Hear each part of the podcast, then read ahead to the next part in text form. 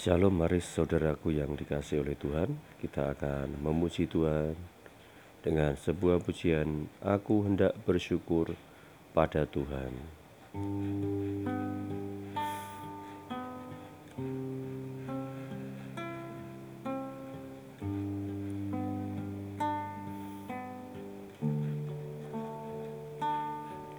Aku hendak bersyukur pada Tuhan karena keadilannya. Dan bermasmur bagi nama Tuhan yang maha tinggi.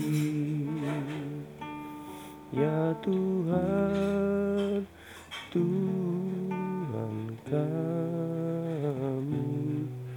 betapa mulianya namamu Tuhan kami dimuliakan atas seluruh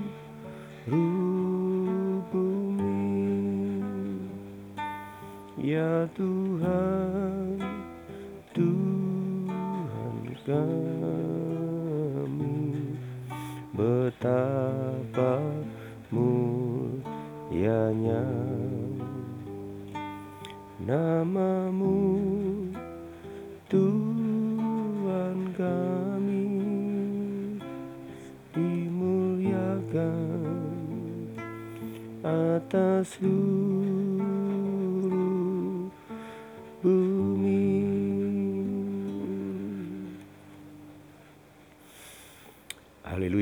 Saudara yang dikasih Tuhan Orang yang memiliki pikiran Kristus dalam dirinya akan terhindar dari memikirkan hal yang sia-sia.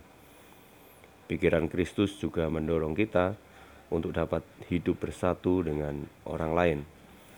Dengan memiliki pikiran Kristus, kita hanya memikirkan hal-hal yang baik tentang orang lain, mengupayakan kebaikan bagi orang lain, dan dapat menerima orang lain merupakan produk dari pikiran Kristus. Orang percaya yang memiliki pikiran Kristus akan senantiasa memikirkan perkara-perkara yang di atas, yaitu hal-hal tentang kerajaan surga.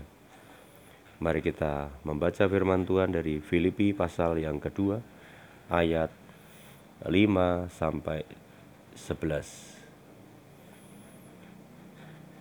Hendaklah kamu dalam hidupmu bersama menaruh pikiran dan perasaan yang terdapat juga dalam Kristus Yesus, yang walaupun dalam rupa Allah tidak menganggap kesetaraan dengan Allah itu sebagai milik yang harus dipertahankan, melainkan telah mengosongkan dirinya sendiri dan mengambil rupa seorang hamba dan menjadi sama dengan manusia.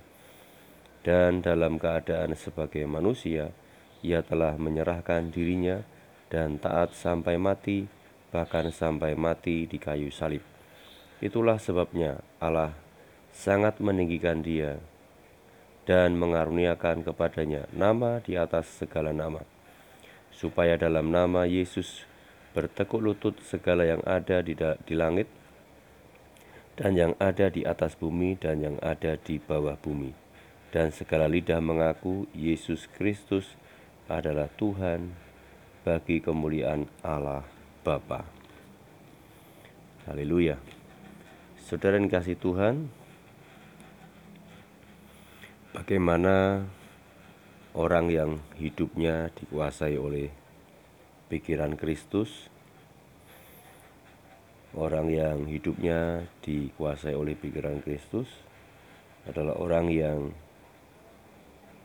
mengosongkan dirinya, kemudian menjadi hamba.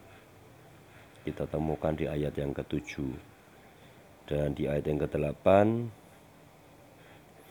Ia merendahkan dirinya dan taat. Lalu berkat apa yang diterima oleh mereka yang senantiasa memiliki pikiran Kristus? Ayat yang ke-9 Tuhan mengaruniakan nama di atas segala nama. Ini kalau konteks Tuhan Yesus. Tapi bagi kita Tuhan akan meninggikan ya. Tuhan yang akan meninggikan Saudara, kita perlu renungkan apa yang harus kita lakukan agar senantiasa memiliki pikiran Kristus. Kita harus selalu menjaga pikiran kita agar dikuasai oleh pikiran Kristus. Biarlah pikiran Kristus yang menguasai hati dan pikiran kita. Hindari pikiran kita dari memikirkan hal-hal duniawi dan yang buruk. Jika kita masih memiliki pikiran yang bukan pikiran Kristus, kita mohon ampun kepada Tuhan dan kita berdoa agar Tuhan memberikan kita pikiran Kristus senantiasa di dalam setiap kehidupan kita. Demikian renungan pada malam hari ini. Tuhan Yesus memberkati. Selamat beraktivitas, selamat beristirahat agar kita semua ya punya pikiran Kristus. Amin.